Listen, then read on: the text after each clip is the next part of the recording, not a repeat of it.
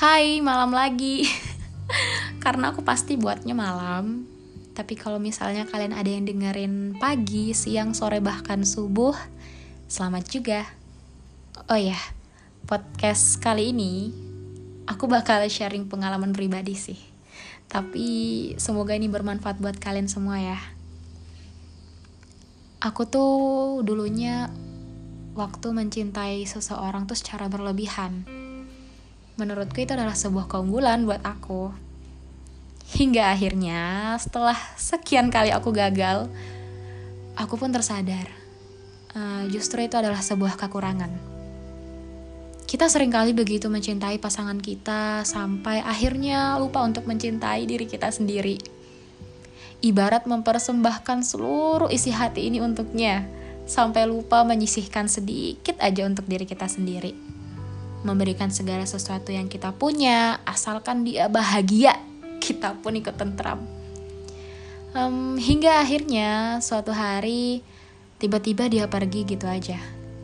Segala sesuatu yang kita punya juga sudah ikut tidak ada. Dan ini bukan hanya persoalan materi ya, uh, lebih ke soal rasa dan emosi bahagia kita nih sudah terbiasa terwakilkan olehnya. Jadi saat dia pergi, sepertinya bahagia uh, yang kita rasakan itu ikut lenyap. Menyakitkan bukan? Maka dari itu, hey, aku peringatkan sekali lagi, mencintailah dengan bijaksana. Ingatlah porsi dan juga takarannya. Utamakanlah diri dan keadaan kamu dulu deh Aku tahu mencintai itu selalu soal ikhlas dan saling mengalah. Tapi ingat, mencintai juga selalu dua arah.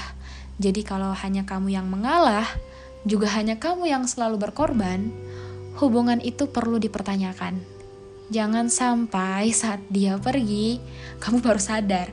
Selama ini hanya ketulusan dan keikhlasanmu yang dimanfaatkan aku buat podcast ini dengan sadar ya setelah aku sudah pulih. Dan aku merasa bersalah pada diri sendiri. Sekarang, ku harap jangan lagi ini juga terjadi pada kalian semua. Sini peluk. Dah.